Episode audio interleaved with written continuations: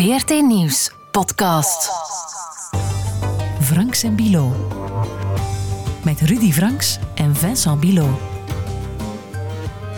Terwijl de wereld met ingehouden adem kijkt naar kernmacht, Rusland is een ander land goed op weg om zelf een kernmogendheid te worden. En het is een land dat ook flink wat vijanden heeft. Iran. Iran staat echter op het punt om een nieuwe nucleaire deal te tekenen met het Westen. Het wil zelfs niet liever naar eigen zeggen. Waarom is Iran daar zelf vragende partij voor? En wat kan er mislopen als die deal met Iran, die nucleaire deal, toch afspringt? Vragen die we in deze podcast voorleggen aan professor internationale politiek van de Universiteit Antwerpen, Tom Sauer. Welkom. Ja, U bent uh, gespecialiseerd in internationale veiligheid en uh, de rol daarin van uh, massavernietigingswapens. Even voor een goed begrip. Er zijn momenteel officieel, en daar kom ik zo meteen op terug op dat woord, officieel vijf kernmogendheden op deze wereld. Hè? Dat klopt. Hè. Er is dat fameuze non-proliferatieverdrag van Ja. 1968. En dat stipuleert dat al de staten die voor 67 een explosie hebben doorgevoerd, officieel erkend worden als kernwapenstaat, zij het tijdelijk. Ja, want ze hebben ook beloofd dat ze die kernwapens zouden elimineren, maar er is geen deadline voorzien. Eh, en dat zijn dus chronologisch eh, Amerika, Ja. Rus- Rusland, de Sovjet-Unie. Dan Engeland als eerste kernwapenstaat in Europa, Frankrijk en als laatste China. Ja. En toen hebben ze gezegd, stop it, hè, laten we daar maar een grens aan zetten en laten we dat verdrag onderhandelen. En daar wil ik aan toevoegen, net niet eh, toevallig, ook die mogendheden die een vetorecht hebben in de Veiligheidsraad van de Verenigde ja, Naties. uiteraard. Wegens Zij hebben de bom. Ja, Ja, inderdaad. bom. Maar ik zei daarnet al, officieel zijn er vijf, want er zijn ook een aantal landen die officieus of waarvan toch ja, een bom hebben of waarvan geweten is dat ze een bom hebben. En welke landen zijn dat?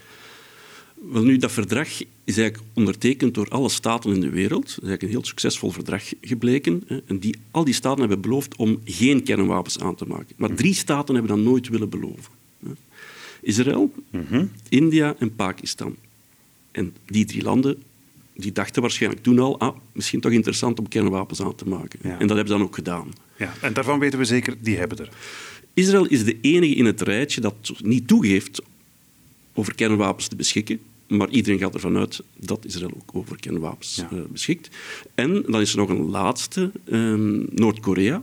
Die had dat verdrag ondertekend als niet-kernwapenstaat, maar heeft zich teruggetrokken in 2003. Dat kan, hè, als er belangrijkere redenen zijn, nationale veiligheidsredenen. Ehm, de wereld heeft dat niet graag gezien. Hè, maar dus Noord-Korea is de negende nucleaire wapenstaat. Ik heb daar een vraag bij. Wanneer wist de wereld dat Noord-Korea de bom had? Voor of nadat ze zich teruggetrokken hebben? Eh, Noord-Korea is pas getest nadien. dus in 2006, voor de eerste keer. Dus zij, ah, 2006. Dus zij hebben zich teruggetrokken en dan pas drie jaar later. Het is niet dat ze eerst stiekem de bom hebben getest en dan gezegd... oké, Ze hebben eerst stiekem de bom gemaakt, hè, of, of proberen te maken. Ze zaten in een ja, vergaande fase, maar hadden nog geen bom getest. En hebben zich dan dus eerst teruggetrokken uit dat verdrag en dan getest.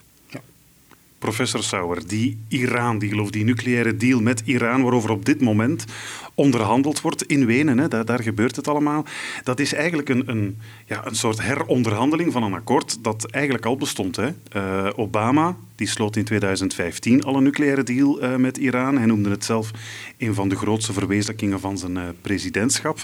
Maar zijn opvolger Trump, die, excusez le mot, die blies dat akkoord weer op. Hè. In just a short period of time, the world's leading state sponsor of terror will be on the cusp of acquiring the world's most dangerous weapons. Therefore, I am announcing today that the United States will withdraw from the Iran nuclear deal.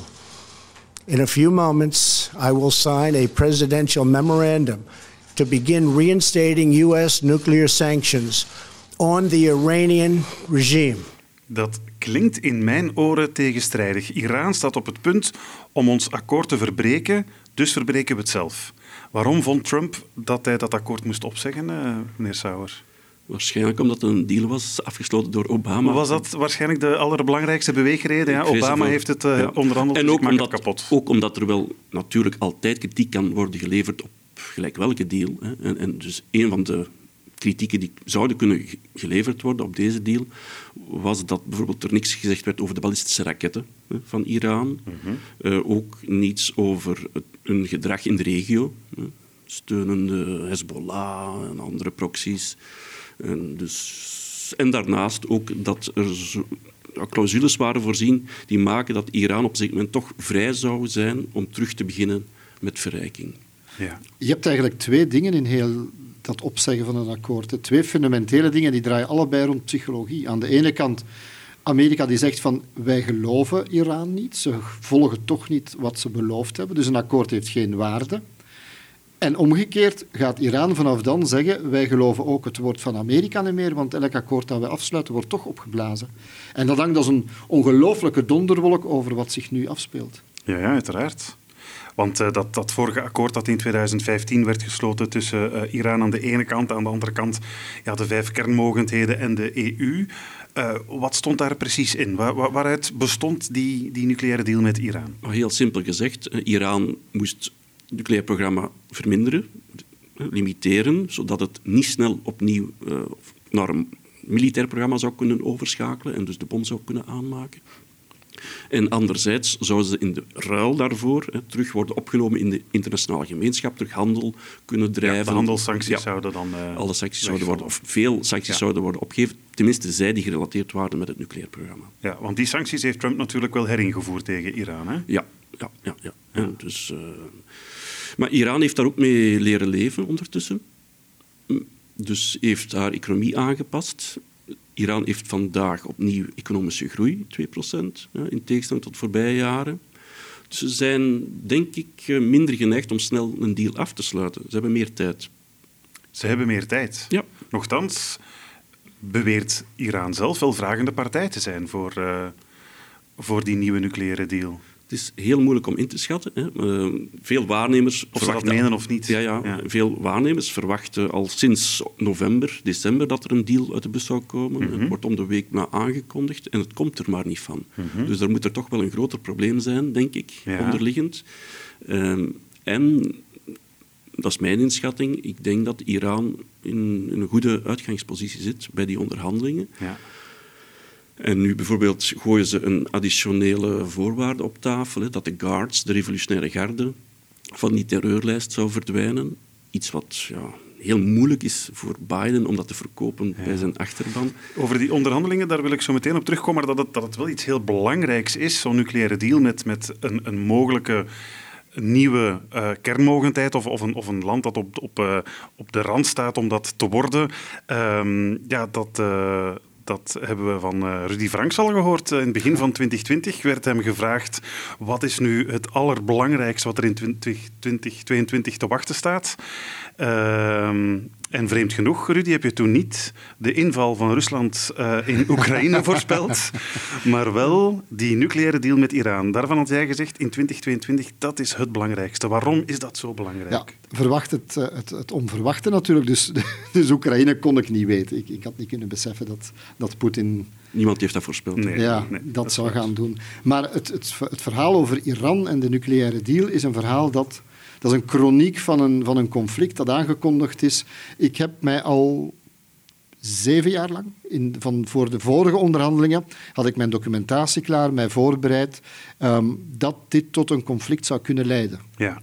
En door het opzeggen, het terug, en, en dan opnieuw Biden die opnieuw zou gaan hè, onderhandelingen doen met Iran, en je kwam bij een soort van, als je gewoon puur logisch naar de timing begon te kijken, van, vanaf dan zou Iran heel dicht bij een voldoende verrijking van het uranium komen, want daar gaat het om, daar kunnen we het nog over hebben, waardoor het weapons-grade uranium zou hebben, waardoor het um, wapengeschikt zou zijn. Hè? Niet alleen maar voor de kerncentrales te laten draaien of medisch gebruik, maar ook veel meer dan dat. Dus als je gewoon die timings zou gaan bekijken, mhm. of de schattingen van die timings, dan mhm. wist je, als je op dat punt komt, en dat punt zou er dit jaar komen, mhm. dan zouden ze het kunnen hebben. Dus als er een akkoord moet komen, dan zal het daarvoor moeten zijn. En dan is de cruciale vraag, want indien het niet gebeurt, zou, en daar was ik mij al op aan het voorbereiden, een groter conflict in het Midden-Oosten kunnen uitbreken. Ja. Het feit dat Iran, de kampioen van de Shia-machten in het Midden-Oosten, als een soort van supermacht zich zou definitief profileren als de grootste, dan zou dat een bedreiging vormen voor één. De Arabische landen die Sunni zijn, Saudi-Arabië, misschien krijgen die dan ook een, de behoefte om er eentje te gaan ontwikkelen. Egypte. Zijn er geen Soenitische Arabische landen die Nee, een, eh, tot een nu toe Zij? Nee. blijven dit. Dus Dat dan zou je die dat komt- maken en in de regio eigenlijk, En ja. die, maken, die vechten nu al op een iets lager niveau, maar toch gruwelijk oorlogen uit in Jemen, in Syrië enzovoort. Dus Mhm. dat is één element. En het andere, het allerbelangrijkste, is die andere, die niet officieel het niet heeft, maar toch wel heeft, dat weet men, ehm, Israël. Aardsvijand. De aardsvijand van Iran. Omdat Iran altijd gezegd heeft, ja, bij Israël moet vernietigd worden of verdreven worden uit het Midden-Oosten enzovoort. Dus voor hen is dat een existentiële zaak. Dat wil zeggen, Israël bereidt zich al tien jaar, zeg maar, voor om, indien dat zou gebeuren, moeten we dan preventief ingrijpen of niet? Als zij ingrijpen, preventief ingrijpen wil zeggen bombarderen zoals ze ooit op een kernreactor in Irak gedaan hebben ten tijde van Saddam Hussein. Dus ze hebben dan ook niet gewacht en ze hebben dat gedaan. Dus als ze dat doen in Iran, dan krijg je een breder, groot regionaal conflict, Ja. waarvan het einde niet in zicht is. Potentieel, en ik, ik wil de mensen geen schrik aanjagen, potentieel misschien wel groter dan wat zich in Oekraïne afspeelt, als het onder de ja, want, want Iran kan op alle mogelijke manieren gaan terugslaan. Ja. Israël kan al zijn registers gaan opentrekken. Ja. Dus vandaar in de gaten houden, hè. Ja, absoluut. Over, over, over die geopolitieke strekkingen en, en implicaties van heel, dat, eh, van heel die deal, daar moeten we het zeker over hebben. Maar misschien eerst even over dat, dat, ehm, dat nucleaire verhaal zelf. Hè. Die, die verrijking van uranium, hè, daarover gaat het. Het is op zich, eh, ja, op zich iets, heel, iets heel technisch, eh, maar we hebben het eens laten uitleggen door Klaas van der Meer. Dat is de, het hoofd van het nucleair onderzoeksbureau in, in Mol. Want er wordt altijd gezegd, hè, uranium, je moet dat tot op een zekere hoogte, 80, 90 procent, verrijken voor je dat echt kunt gebruiken als een atoomwapen. Maar hoe werkt dat precies wel? Eh, Klaas van der Meer heeft daar een, eh, een heel handige eh, metafoor voor eigenlijk. Luister even mee. Dat kun je een beetje begrijpen door verrijking ja, een beetje te vergelijken met eh, het scheiden van ballen uit een grote bak met ballen. Als je een grote bak met ballen hebt en je hebt daar heel veel groene en maar een paar rode in zitten. En je wilt juist die rode hebben, en dat, dat zijn dus dan de uranium-235 eh, atomen. Dan moet je heel veel balletjes door je handen laten gaan. Heel veel groene ballen voornamelijk door je handen laten gaan. Om een paar van die rode te vinden. Dus dan kun je misschien al begrijpen dat als je als basis een hele lage verrijking hebt van uranium-235, dat het ook heel veel moeite kost om die hoeveelheid uranium-235 een klein beetje eh, te verhogen. Als je daarentegen al een bak met ballen hebt waar al ja, 20% of zelfs 50% van die rode ballen in zitten, dan vind je veel gemakkelijker een rode bal. En dan hoef je ook veel minder ballen door je handen te laten gaan om een bepaalde hoeveelheid van die rode ballen te vinden. Dus hoe meer verrijkt je uran, uranium is, hoe, hoe makkelijker de rest eigenlijk gaat. Hoe, hoe makkelijker je dat kunt opschalen eigenlijk. En er wordt gezegd dat ze nu aan 80, 90 procent zouden zitten. Meneer Sauer, hebt u er een zicht op? Hoe dicht zitten ze bij de bom? Volgens mijn inschatting is de rode lijn overschreden. En, Ze zijn er al. En, hebben ze voldoende hoogverrijkt uranium vandaag voor één kernbom. Zijn de 25 kilogram 90% verrijkt. Waarom heeft dan bijvoorbeeld Israël nog niet gereageerd? Want ik herinner mij toch nog die, die PowerPoint die eh, de, de vorige eerste minister eh, gaf. Netanyahu, ja. Netanyahu met, met die- letterlijk de rode lijn getrokken. En dan, dan gaat er wat zwaaien.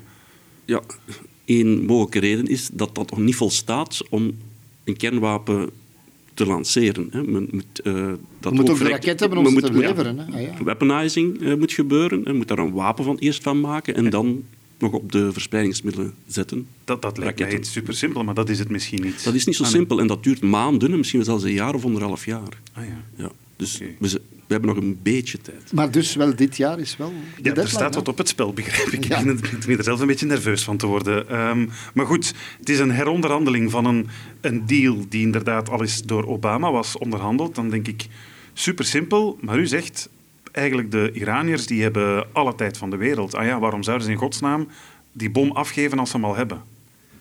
Inderdaad. Ehm, maar goed, de Amerikanen hebben ook gezegd dat ze absoluut niet wensen dat Iran over kernwapens beschikt. Mhm. Dus De stakes zijn high, eh, zoals ze in het Engels zeggen. Ja.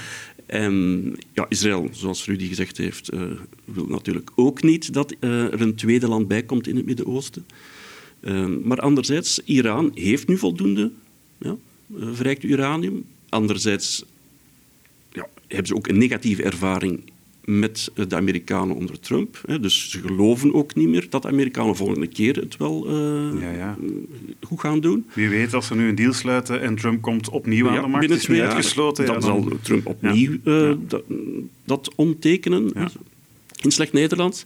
Um, en daarnaast hebben ze hun economie aangepast. Dus zijn ze veel minder afhankelijk van handel met het buitenland. Ze zijn beter bestand tegen beter de sancties. Bestand, Weerbaarheid is verhoogd. Uh, ze hebben een deal met China, belangrijke economische deal met China.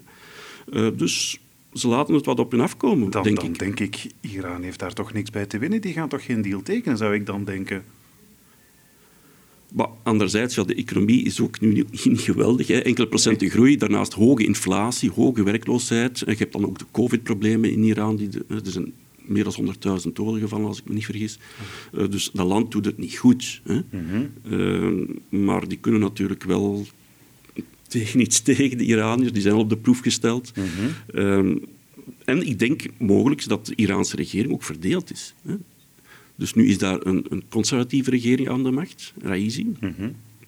En wel nu, sommige van die, ja, zijn, sommige van die extremen, extremisten zijn misschien wel voorstander van het bouwen van de bom. Anderen zijn dan eerder voorstander voor de handel opnieuw te laten floreren. En, ja. en dan komt die extra vraag of die extra eis van de revolutionaire garde boven. Ja, He, dat, de harde lijn, dat is, gehad, ja. wel, de harde lijn is die revolutionaire garde. He.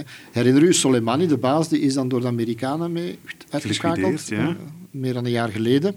Um, de revolutionaire garde hoort rechtstreeks onder, Sol hoorde onder Soleimani, hoort dan eigenlijk bij Khamenei. Khamenei is de grote ayatollah daar. Mm -hmm. De man die echt aan het touwtje strekt, die het, het, het, nucleaire dossier dicht bij zich houdt via zijn vertrouwelingen. Terwijl de president, de verkozen president, is nu ook een conservatief, Raisi. Dus die zitten nu meer op één lijn. Terwijl bij de vorige periodes, toen er wel onderhandeld werd, toen er wel naar een deal gezocht werd, waren de hervormingsgezinden aan de macht in Iran. Dat was dan Rouhani en, en daarvoor nog. Eh, bedoel, toen is er gepraat. Dus in dat opzicht is er nu dus minder neiging tot, is men meer geneigd om de harde lijn vol te houden. Je moet ook weten, voor die hele bom heeft te maken met, voor mij toch, met machtsprojectie in het Midden-Oosten, maar ook met het overleven en het voortbestaan van de, de islamitische staat Iran. Dus eigenlijk als ze een inschatting gaan maken, een deal of geen deal, heeft dat de belangrijkste factor zal voor, voor Khamenei zijn gaat dit ons overleven als islamitische staat in het gevaar brengen of net niet? Mm -hmm. well, er zijn twee redenen waarom staten eigenlijk nucleaire wapens aanmaken. Dat is een beetje de theorie. Eén, veiligheid. Je eigen veiligheid verzekeren. Eigen ja. veiligheid verzekeren door middel van afschrikking. Ja. Wij hebben de bom, de anderen gaan ons Raak niet aanvallen. aan ons, want Juist, wij hebben de bom. Ja. En daarnaast, inderdaad, wat Rudy net, net zegt, prestige. Zowel intern naar de bevolking toe, Herinner u wanneer India de bom heeft aangemaakt? Die bevolking was zeer fier op die, op die wetenschappers. Uh, dat, is hier, dat is hier wel anders met de bommen in Kleine Brogel. Hè? Daar zijn we niet bepaald trots op. Nee. En uh, ook prestige extern hè, in de regio.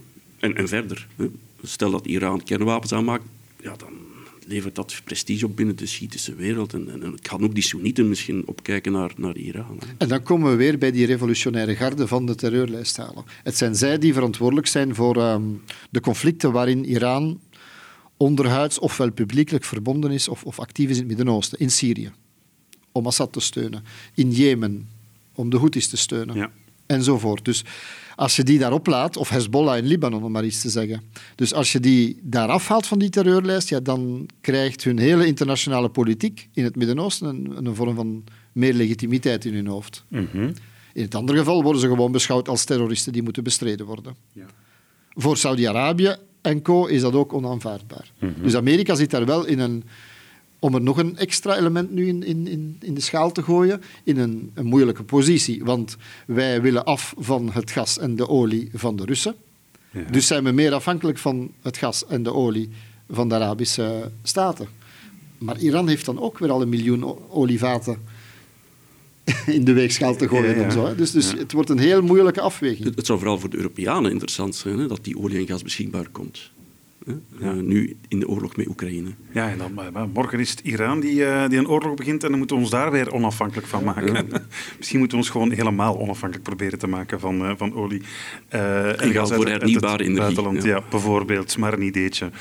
Um, het is het Westen dat een nucleaire deal sluit met Iran, hoor ik altijd. Um, maar dat zijn enerzijds natuurlijk die, die, die vijf kernmogendheden, waaronder ook uh, de VS. Maar begrijp ik, de VS wil niet rechtstreeks met, uh, met Iran aan tafel zitten. Hoe, hoe verlopen die gesprekken dan? Hoe, hoe, hoe zit dat in elkaar? Ja, en gaan de Russen mee aan tafel zitten, vraag ik mij dan af. Waar ze nu momenteel elkaar slager en, en, en oorlogsmisdadigers... Dus vandaag wordt er onderhandeld in Wenen. Ja.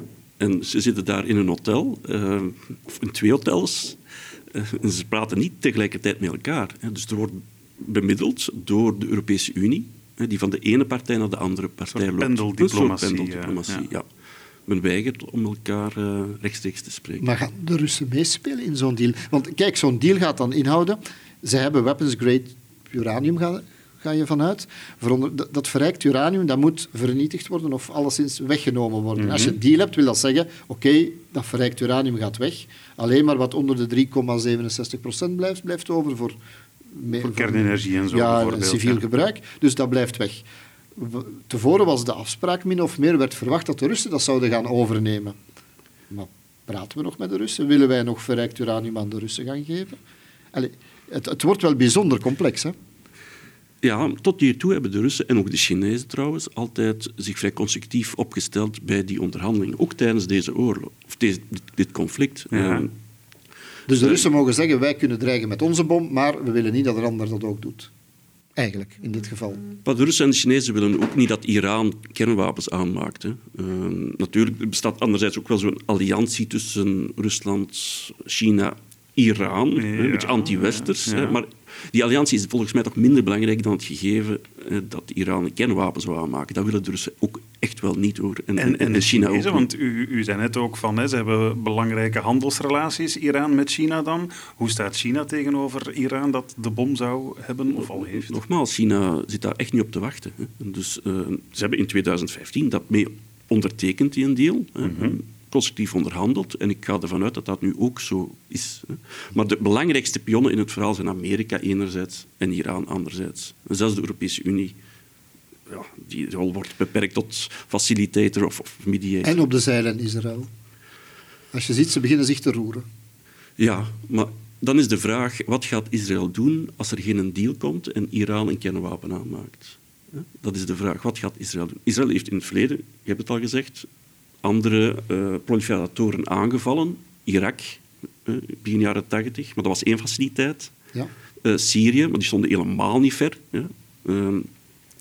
Iran, ja, dat is een veel grootschaliger programma. Hè. Als je dat moet gaan uitschakelen met bombardementen, is, is, is het onmogelijk in mijn ogen. Ja, maar ze hebben wel al een oorlog gevoerd om het te vertragen in Iran. Ze hebben kernwetenschappers uitgeschakeld, de schaduwoorlog. zeg maar vermoord. Juist, ja zijn heel ver gegaan. Ze hebben virussen ingeplant. Stuksnet, is, inderdaad, in 2010. Virussen ingeplant? In, op de, waardoor dat de centrifuges die moesten verrijken eigenlijk plots... Ah, in de technologie. Ja, ja, de technologie, ja, gewoon in het... Ja, ja, dat soort virussen. Cyberoorlog. Cyberoorlog. En dat heeft gewerkt, maar tijdelijk. Dat programma is tijdelijk achteruit gezet. Dus de stap zou nu zijn, het, wat ze nu moeten doen, is, als ze dat willen tegenhouden, is gewoon bommen gooien, letterlijk. Ja. En kunnen ze dat? Want ik herinner mij, ik heb dat ooit voorbereid, om, als ze mij ooit zouden, ik heb toestemming gevraagd aan de Iraniërs, mag ik jullie installaties in Natanz enzovoort gaan bezoeken? Ja? Hè, ondergronds en dat soort En die hebben gezegd, terug, ja, ja, kom maar was, ik was een beetje naïef, het is niet, het is niet gelukt. Maar bon, zwart, dat, dat zit heel diep, hè. Ja. Om dat te gaan bombarderen. Ik denk dat, dat, is... dat heel moeilijk zal zijn, maar goed, ze kunnen het proberen. Hè. Uh, maar als ze dat doen, en Ruud heeft het al gezegd, ja, Iran gaat niet gewoon zitten wachten en met hun vingers zitten draaien. Die gaan natuurlijk orders geven aan hun proxies in Hezbollah om al die tienduizenden korte afstandsraketten die daar staan opgesteld te lanceren richting Israël. Dan zou ik als Israël toch even nadenken voordat je daarom begint. Ah ja, dus omdat, om, ja, Libanon zou zich dan uh, door, uh, door door Iran laten Absoluut. uh, ja. instrueren om, Ja. om Ja. eigenlijk ook Ben ik in van Om het, om het heel simpel te maken, Israël moet eh, gaan een oorlog op drie fronten voeren. Dan krijg je echt een kettingreactie. Ja, maar ja, dat is, dat is dus het gevaar. Dat is, een, dat is een nachtmerrie.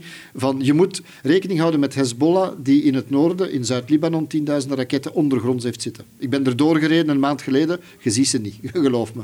Maar ze zijn er. Ja. Geloof me daar ook maar in. Dus die kunnen ze schieten. In het andere geval is er ook al via Iran wapens geleverd aan Hamas in Gaza, in het zuiden van Israël. Dus die zouden ook kunnen een conflict gaan uitlokken. In de veronderstelling, want ook die andere, Hezbollah zowel als Hamas, willen overleven als regime natuurlijk. Ja. Want als Israël terugslaat, Dan, ja, dan is het het ook zwaar en dan is het ook gedaan met hen. Dus het is echt wel ja, schaken en vooral gokken op extreem hoog niveau, quasi van overleving. Maar Israël zou dus in het worst-case scenario geconfronteerd kunnen worden met een aanval uit het noorden, een aanval uit het zuiden en dan bovendien een open conflict met, met Iran. En zo'n aanval door Israël is ook geen fundamentele oplossing. Ja? Want de bevolking in Iran gaat dan zich volledig achter het regime scharen, ja? veel meer dan nu nog. Rallying around Rallying the flag around the heet dat, flag, hè? ja, Ja, ja. inderdaad. Ehm, Iran gaat onmiddellijk uit het non-proliferatieverdrag stappen. Ja. Mhm. Dat wat het, ei- eigenlijk het einde betekent van het non-proliferatieverdrag. Dus we komen in een totale nucleaire anarchie terecht in de wereld. Ja, waar we geen enkele regel meer hebben om op te staan, om die verdere verspreiding tegen te gaan. En gaat dan zo snel mogelijk een kernwapen proberen aan te maken, als die oorlog voorbij is. Ja, ja. Dus lijkt me toch niet de meest rationele oplossing. Maar we hebben in het verleden al gezien dat in de internationale politiek niet altijd de meest rationele oplossing het haalt. nee, nee, nee, dat is waar. Maar goed, ja, als je echt je gezond verstand bewaart, dan denk je van ja, dit kan niet gebeuren. Maar goed. Wat is eh, uw inschatting eigenlijk om, eh, om af te ronden? Eh, er wordt nu volop over onderhandeld daar in Wenen met pendeldiplomatie van de EU tussen die twee hotels. Wat gaat er uit de bus komen? Gaat er een akkoord uit de bus komen? En wat staat er ons dit jaar nog te wachten? Ja, nogmaals, de meeste waarnemers gaan ervan uit dat dat akkoord er komt. Eh, er, Nog zijn ook- dit jaar? er is ook een, een belangrijke gijzelaar eh, vrijgelaten eh, een week geleden. Die vrouw die al zes jaar vast zit, een Britse. Ja. Is, dat, is dat een onderdeel van het spel, denk Dat zou, ja, ja, dat is zeker Ah, ja. een indicatie. Dat, Dat noemen ze vertrouwenwekkende maatregelen. Ja, Ja. En, en, de Britten hebben dan geld. Dat is misschien goed nieuws voor de, voor de VUB-professor uh, Jalali. Ja, wel, ik moest er onmiddellijk aan denken, van, Ja. zou hij ook op die lijst komen te staan? Als er een totale op- oplossing uit de bus komt, zal dat mogelijk ook wel eh, opgelost geraken. Maar Zijn dat dingen die mogelijk ook op tafel liggen bij zo'n Ja, onderhandeling? absoluut. Ja. Ehm, maar de vraag is en blijft of Iran zal toehappen. Hè. En, en of Amerika ook zal toehappen om bijvoorbeeld die guards, die revolutionaire garde, van die terroristenlijst eh, te halen. Hè. Er gaan toegevingen moeten gedaan worden. En als die niet gebeuren, dan komt er geen deal. Mhm. Ehm, en dan komen we in het worst-case scenario terecht dat we net hebben besproken. Als die deal er komt, dan is het ook maar kortstondig. Hè? Want binnenkort is Biden weg, oh, hoogstwaarschijnlijk. Ehm, komt er een Trump of een, een kloon van Trump aan de macht die opnieuw dat akkoord in de prullenmand gooit. Dus ik zie het niet zo optimistisch op dat vlak en ik denk dat uiteindelijk Iran over kernwapens zal, eh, zal beschikken binnen enkele jaren. Gaat Israël zich de arm laten omwringen door Amerika als er een deal is? Obama heeft dat met Netanyahu, die ten, als, zich, als een duivel in een wijwatervat geroerd heeft om te zorgen dat die deal er niet kwam. Hè, heeft Netanyahu de arm omgevrongen. De deal komt er, zei hij, samen met, met Kerry, die toen, eh, toen eh, voor hem buitenlandse zaken deed. En gaat nu Biden dat opnieuw doen? Want zal- Israël moet meegaan daarin. Hè, als- Amerika zal het proberen, maar de vraag is of Israël zich eh, laat doen door Amerika. In, de- in deze is Israël in de regio gelegen, Amerika niet. Veel meer belangen voor Israël dan voor Amerika. Maar wat zijn dan nog de opties voor Israël? Als Amerika zegt, we hebben hier een deal, iedereen tekent. Wat gaat Israël dan op zijn eentje aanvallen? Nee, dat gaat Nee, ook niet nee, dat denk ik niet. Ik Dan is het fait accompli. Dat is fait accompli. En, En dan zullen we moeten leren leven met die Iran, eh, of met een deal, ofwel in het andere geval met een Iraanse bom. Israël zal daar ook mee moeten leren leven uiteindelijk. Ja? Zo, net zoals we leren leven met Iran, eh, India en Pakistan en Noord-Korea met kernwapens. Tenzij, als we het echt niet goed vinden, ja, dat we allemaal die, die nucleaire wapenstaten opsluiten in, in een vergaderzaal en vragen dat ze naar, eh, naar zero gaan. Hè. Maar ja, Dat, dat zal nog niet voor morgen zijn. nee. Maar voorlopig gaat de wereld er niet veiliger op worden. Als er geen deal komt, wordt het kritiek. En als er wel een deal komt, ja, dan, dan is er weer al meer wa- proliferatie van nucleaire wapens. Klopt. Het is niet alleen Rusland dat we dit jaar in de gaten gaan moeten houden. Als er uh, alsnog een nucleaire deal uit de bus komt daar in uh, Wenen, uh, meneer Sauer, dan moet u het ons laten weten, want wij zijn toch een beetje ongerust geworden het afgelopen half uur, hè Rudy? Ja, maar het is toch ook fascinerend. Oké, okay. ja. maar dan gaan we zeker nog eens uitnodigen om het er verder over te hebben. Heel erg bedankt, professor Tom Sauer, voor uw komst naar onze podcast. Graag gedaan. Franks en Bilo. En voor we eruit gaan, uh, willen we je nog graag warm maken voor een documentaire van een van de Rudy's nomaden. Al is warm maken misschien de verkeerde uitdrukking, want het gaat over de opwarming van het klimaat en hoe die nog sneller gaat op de Noordpool. De, de maximale opwarming van 2 graden die de VN probeert aan te houden, uh, die is in het Arctische gebied nu al bereikt. In nauwelijks 30 jaar tijd is het daar 2 graden warmer geworden. En uh, Jan de Deken die is daar naartoe getrokken, hè Rudy? Ja, naar Alaska meer bepaald om, en ik, ik, verstond de jongen ook niet altijd natuurlijk, het smeltend permafrost en de boreale wouden ja. in kaart te brengen. Maar ja. als ik dan nu onlangs in de kranten ook las, de alarmerende berichten over dat de temperatuur in bepaalde plekken zelfs 20, 30 graden te veel is voor de tijd van het jaar. Ja. Dan denk ik dat, uh, dat hij de vinger op de juiste plaats heeft gelegd. Ja, want Jan de Deken uh, is er voor de Polar Project uh, naartoe getrokken naar Alaska. En hij stelt daar eigenlijk een beetje vast dat het Noordpoolgebied in 2050 wellicht geen zomerijs meer zal hebben. Dat is niet zo voorstellen, heel, lang meer van, van, heel lang meer van ons verwijderd, hè, 2050. Je gaat nee. dat mogelijk zelfs nog meemaken. absoluut, absoluut. Maar ik zou dan toch geen pinguïn willen zijn. Die leven niet op de Noordpool, hè, Rudy? Dat, dat was een strikvraag. Ah, dat was een strikvraag. Ja, ja, goed geprobeerd. Maar in ieder geval is een onthutsende, confronterende reportage van Jan de Deken uh, van uh, Rudy's Nomade te zien op VRT Nu. Franks en Bilo. Kom in afwachting van onze volgende podcast zeker eens een kijkje nemen op onze Facebookgroep Franks en Bilo. Je kan daar bijvoorbeeld je mening geven over deze bescheiden podcast. Je kunt er meepraten over de actualiteit of zelf onderwerpen aandragen. En wie weet hoor je die dan wel binnenkort. Hè? En als je de show goed vindt, geef dan een review in de podcast-app. Dat helpt anderen ook om uh, Franks en Bilo te ontdekken. Ja, vragen, opmerkingen of verbeteringen, je vindt ons via vb.vrt.be dan kunnen we alleen nog maar enkele mensen bedanken. Hè? Ja, professor Tom Sauer uiteraard om naar uh, onze podcast te komen. En ik moet het moeilijke deel zeggen. Het CSKCEN, het Belgisch Nucleaire Onderzoekscentrum, voor hun expertise en hun bijdrage. In Mol. Ja. In Mol. Research was in handen van Goran Verluiten en Casper Speltinks. En de social is uh, voor Goran Verluiten alweer. Eindredactie alweer, die goede oude, vooral oude Vincent Merks. En de presentatie, de immer jonge Franks en Bilo. Tot uh, volgende keer en dat is over twee weken al. Ciao, ciao. Franks en Bilo. Dit was een podcast van VRT Nieuws. Je vindt er meer op de podcastpagina van vrtnieuws.be of via de podcast-app op je smartphone.